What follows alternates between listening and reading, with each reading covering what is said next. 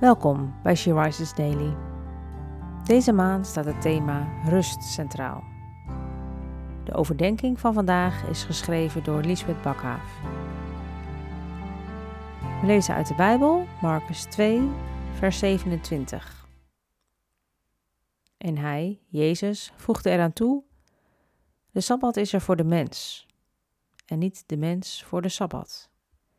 En dus is de mensenzoon ook herenmeester over de Sabbat.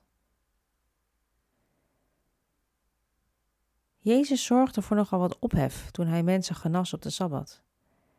En zijn discipelen hadden ook nog graan geplukt op een Sabbat, omdat ze honger hadden. En het maakte de fariseeën zo kwaad dat ze van Jezus af wilden komen. Ze waren zo op de wet gericht dat ze het doel van de Sabbat kwijtraakten. God gaf ons de Sabbat om te rusten, omdat we dat nodig hebben. Jezus was niet gericht op de wet, maar op het doen van Gods wil.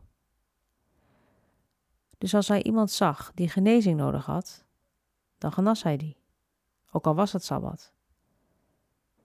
Maar hij rustte ook uit. Het is goed om de Sabbat in ere te houden en te rusten. We eren God door Sabbatsrust te nemen. Ons lichaam is immers een tempel van de Heilige Geest, dus we moeten goed voor die tempel zorgen.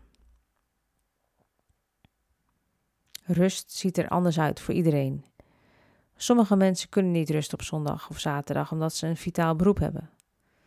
Dat geeft niet. Je kunt dan op een andere dag rusten. En soms raakt je eten op en moet je op zondag even brood of melk halen.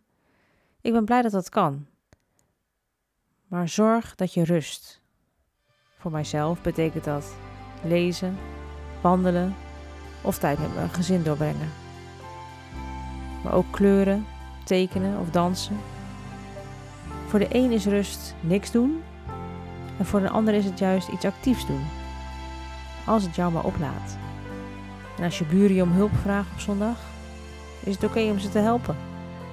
Maar het is in de meeste gevallen ook prima om nee te zeggen.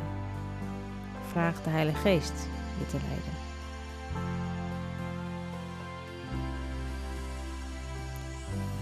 Je luisterde naar een podcast van She Rises.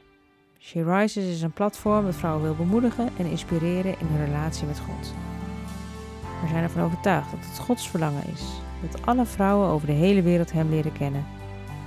Kijk op www.she-rises.nl voor meer informatie.